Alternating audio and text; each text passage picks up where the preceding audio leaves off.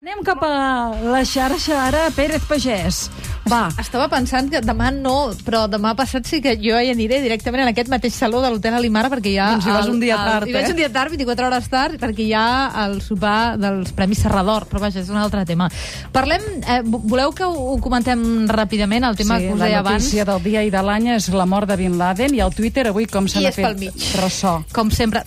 Sabeu què passa? Que a, al final a, el Twitter no fa més que reflectir aquest està passant, ho estàs veient i ho expliques. I al moment en què ho expliques, òbviament, sempre hi ha algú, òbviament si de Twitter s'entén, que, que està molt més a prop de la notícia que abans que arribin les càmeres o les persones que ho Sense poden cap mena de filtre amb tot el que això té de bo i de dolent. Sí, de fet era un informàtic, és un informàtic eh, de Botabatat, de, ja ho direm bé, de Botabat, tuiteja els atacs dels helicòpters dient... Eh, avui eh, he agafat el dia lliure, m'he anat a la muntanya, al nord del Pakistan, i des del seu compte de Twitter ell es fa dir Really Virtual, Really Virtual, ha explicat l'atac de les forces nord-americanes. De fet, ell diu, hi ha un helicòpter sobrevolant ara mateix la zona. És la una del matí. Que estrany. Era el seu primer Twitter, que era l'indicador de tot aquest eh, relat de 140 caràcters cada un dels sí. tuits. I al final acabava, eh, després d'explicar-ho, deia Déu meu, quan se n'ha donat de tot plegat. Soc l'home que ha retransmès en directe el bombardeig a Osama sense saber-ho. He de dir que la seva llista de seguidors ha augmentat estrepitosament, perquè, clar, la notícia... Ara en té se n'ha fet 55.497. 55.000 seguidors. Sabeu quants seguidors tenia aquest mm, eh, home? senyor, aquest Sohabit Azar, per dir-ho No, bé.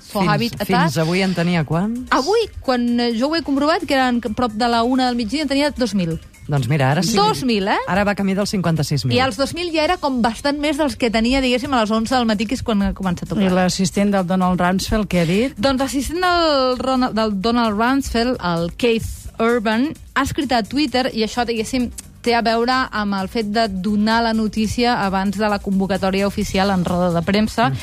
Ha dit en el seu tuit, una persona de confiança em diu que han matat Osama Bin Laden.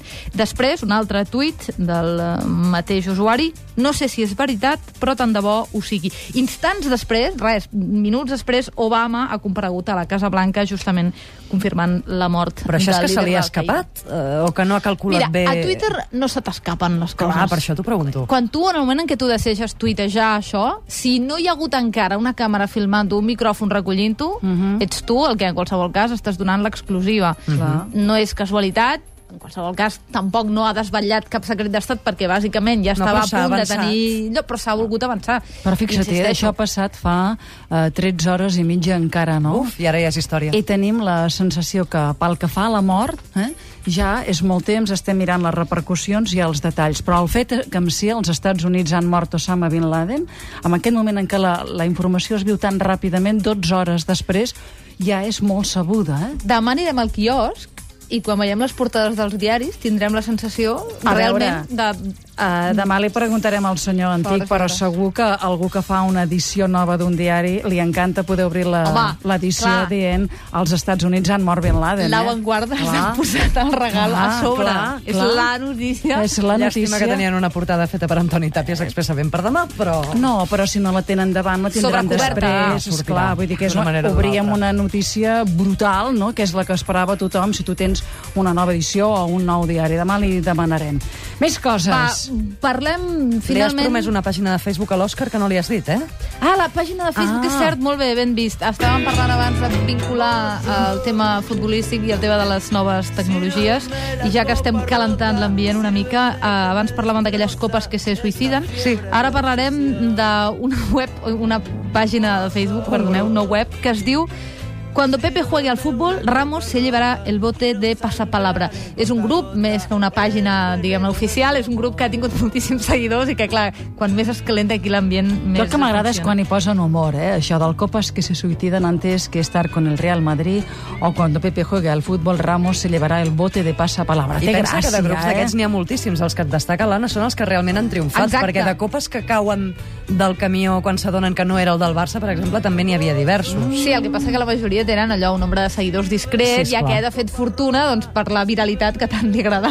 Trau la viralitat. La Va, viralitat. alternatives a Spotify. En dos minuts, ràpidament. Ai, sí. Ai, que ens el tanquen. Bé, més que tancar, recordem que ho vam anunciar en el seu moment, quan Spotify també al seu blog ho va dir. Que tots els, um, diguéssim, beneficis Els que no paguem. sense límits del Spotify gratuït s'han quedat sense algunes possibilitats. Per exemple, hi ha restriccions, una d'elles és no poder escoltar més de 5 vegades la cançó, entre d'altres. Això, òbviament, convida l'usuari a convertir-se en un usuari premium, o sigui, de pagament amb la tarifa de 4,99 o 9,99. No passaré ara a analitzar què és millor, què ofereix cada tarifa, sinó directament a alternatives el que seria Spotify. Hi ha pàgines diverses, potser no tan conegudes. Recordem que Spotify és molt us- utilitzat a Europa, i no a tota Europa, sinó a països molt concrets. Als Estats Units no ha fet fortuna, com sí que ho han fet, per exemple, un parell de pàgines que us destaco. Mm, Una és Music, és M-U-Z-I-I-C.com, Sorgida de la idea d'un pare i d'un fill programadors, inclou cercador de temes i grups, llistes de reproducció personalitzables i és l'alternativa nord-americana, diuen, a l'Spotify. Té una curiositat, per cert, té una pestanya anomenada karaoke, on tens tots temes que vulguis, o tots els que estiguin disponibles, per tu fer karaoke sobre d'ells. Uau. Això és el músic.